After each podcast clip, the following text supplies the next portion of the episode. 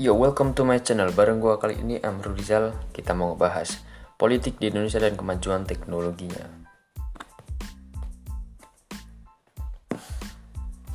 Kebebasan berpendapat di Indonesia itu diatur di Undang-Undang 45 pasal 28E ayat 3 yang berbunyi setiap orang berhak atas kebebasan berserikat, berkumpul dan mengeluarkan pendapat. Pendapat yang disampaikan tidak hanya secara lisan, namun juga bisa secara tulisan. Namun, menurut gua nih ya, kebebasan berpendapat di Indonesia ini terlalu terbuka. Kenapa aku bilang terlalu terbuka? Pertama, orang-orang bisa e, menyuarakan pendapat mereka tanpa memikirkan orang lain.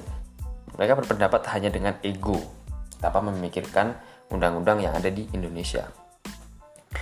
Juga di Undang-Undang Nomor 39 Tahun 1999 tentang hak asasi manusia, pasal 3 ayat 2 berbunyi setiap orang berhak untuk mempunyai, mengeluarkan dan menyebarluaskan pendapat sesuai hati nuraninya secara lisan dan atau tulisan melalui media cetak ataupun media elektronik dengan memperhatikan nilai-nilai agama, kesusilaan, ketertiban, kepentingan umum dan keutuhan bangsa.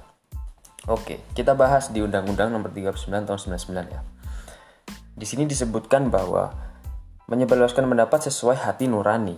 Nah, ini menurut saya adalah sebuah hal yang sangat-sangat disayangkan untuk kemajuan politik di Indonesia. Kenapa?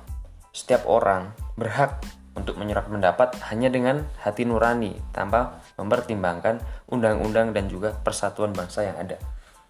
Kenapa saya bilang seperti ini? Yang pertama, dengan kemajuan teknologi di Indonesia, dengan adanya media-media sosial yang banyak dan juga bisa dibilang mendukung politik di Indonesia, maka semua orang akan melakukan segala cara untuk mengkritik, untuk melakukan sebuah tindasan begitu ya. Tapi dengan kata-kata yang menurut mereka itu eh, sangat-sangat uh, halus.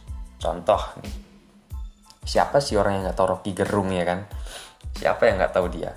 Orang yang di, bisa dibilang uh, gurunya para bahasa. Kenapa saya bilang seperti itu? Setiap kata-kata yang dilontarkan Rocky Gerung di telinga saya itu terdengar seperti kritikan pedas dan yang mengancam. Seperti contoh kemarin saya mendengar podcast dari Rocky Gerung ya, dia bilang ini rezim pengecut. Rezim ini rezim yang tidak benar. Setiap orang yang masuk ke rezim ini dia tidak punya lagi hati nurani. Namun, kenapa Rocky Gerung sampai sekarang tidak ada di proses? Tidak ada masalah yang menjerat Rocky Gerung. Menurut saya pertama seperti ini. Ketika seseorang dia bisa mengeluarkan pendapat dan ada orang yang mendukung dia, maka orang itu akan aman. Aman dari hukum, bisa dibilang kebal hukum ya. Banyak lagi contohnya, ya banyaklah kasus-kasus seperti itu dan kasus lain yang dulu sempat ramai, kasus yang ramai itu adalah kasusnya Basuki Cahaya Purnama. Siapa sih yang nggak kenal Ahok ya kan? Orang yang penuh kontroversi, semua ucapan dia yang dikeluarkan pasti selalu ada masalah, selalu dihujat. Dan akhirnya Basuki Cahaya Purnama itu ditangkap dengan tuduhan penistaan agama. Padahal ya, yang gue lihat nih, di videonya itu nggak ada loh menjelek menjelekannya itu nggak ada. Menjelek jelekan Islam itu menurut gue nggak ada. Itu hal biasa. Kenapa gue bilang biasa? Kita tahu stand up komedi banyak yang membawa ras banyak yang mengandung sara. Tapi kenapa didiamkan saja? Karena orang-orang tahu bahwa itu hanyalah sebuah acting belaka dan juga hanya untuk pertunjukan. Berbeda dengan orang-orang yang di bidang politik. Setiap orang yang berada di dalam lingkup ruang politik ini harus berhati-hati kalau ngomong ya. Gak bisa seenaknya kayak stand up comedian gitu. Dan Basuki Cahayapurnama itu dia ditangkap itu dengan menggunakan pasal 156A KUHP pasal 28 ayat 2 Undang-Undang nomor 11 tahun 2008 tentang informasi transaksi elektronik untuk mencetak Ahok gitu ya. Konsekuensinya, proses pendidikan ditingkatkan ke tahap pendidikan dengan menerapkan saudara Basuki Cahayapurnama alias Ahok dengan tindakan melecehkan atau merendahkan uh, suatu golongan. Nah, bagi gue ini cukup aneh ya. Kenapa? Ahok orang yang banyak masalah, bisa dibilang seperti itu. Ahok adalah orang yang selalu memberikan kritik pedas dengan omongan-omongan dia yang tidak pernah dipikirkan dulu, tapi kerja dia itu nyata. Beda dengan orang-orang lain yang uh, bisa dibilang itu cuman rencana-rencana-rencana, janji-janji-janji, tapi tidak ada realisasi. Ngomongin masalah teknologi lagi. Teknologi kemajuannya sekarang sangat pesat ya di Indonesia ya banyak orang-orang bahkan sekarang anak kecil pun mereka sudah punya Instagram, sudah punya WhatsApp, sudah punya Facebook. Padahal sebenarnya belum waktunya mereka belajar di dunia sosial seperti itu. Kebebasan di Indonesia ini menurut saya masih sangat kurang. Kenapa? Meskipun ada tim cybercrime yang di bidang seperti itu, namun tidak menjamin akan uh, keamanan berpendapat di sosial media keamanan yang dibilang ini adalah contohnya ya hmm, mungkin bisa dibilang hak asasi manusia dan juga yang terpenting itu adalah rasis ya orang-orang itu di sosial media itu seperti mereka seolah-olah mereka yang paling benar mereka adalah yang berkuasa akunnya adalah Tuhan jadi setiap yang mereka komen yang mereka katakan itu adalah hal yang benar sama seperti yang kukatakan tentang Rocky Gerung tadi setiap kata yang di, diucapkan oleh Rocky Gerung itu selalu benar. Menurut dia itu selalu benar, tidak pernah salah. Rocky Gerung itu menurut saya, jujur ya, saya nggak terlalu suka sih sama Rocky Gerung sebenarnya. Kenapa? Yang pertama, dia tuh terlihat pintar karena dengan notasi dan bahasa yang digunakan.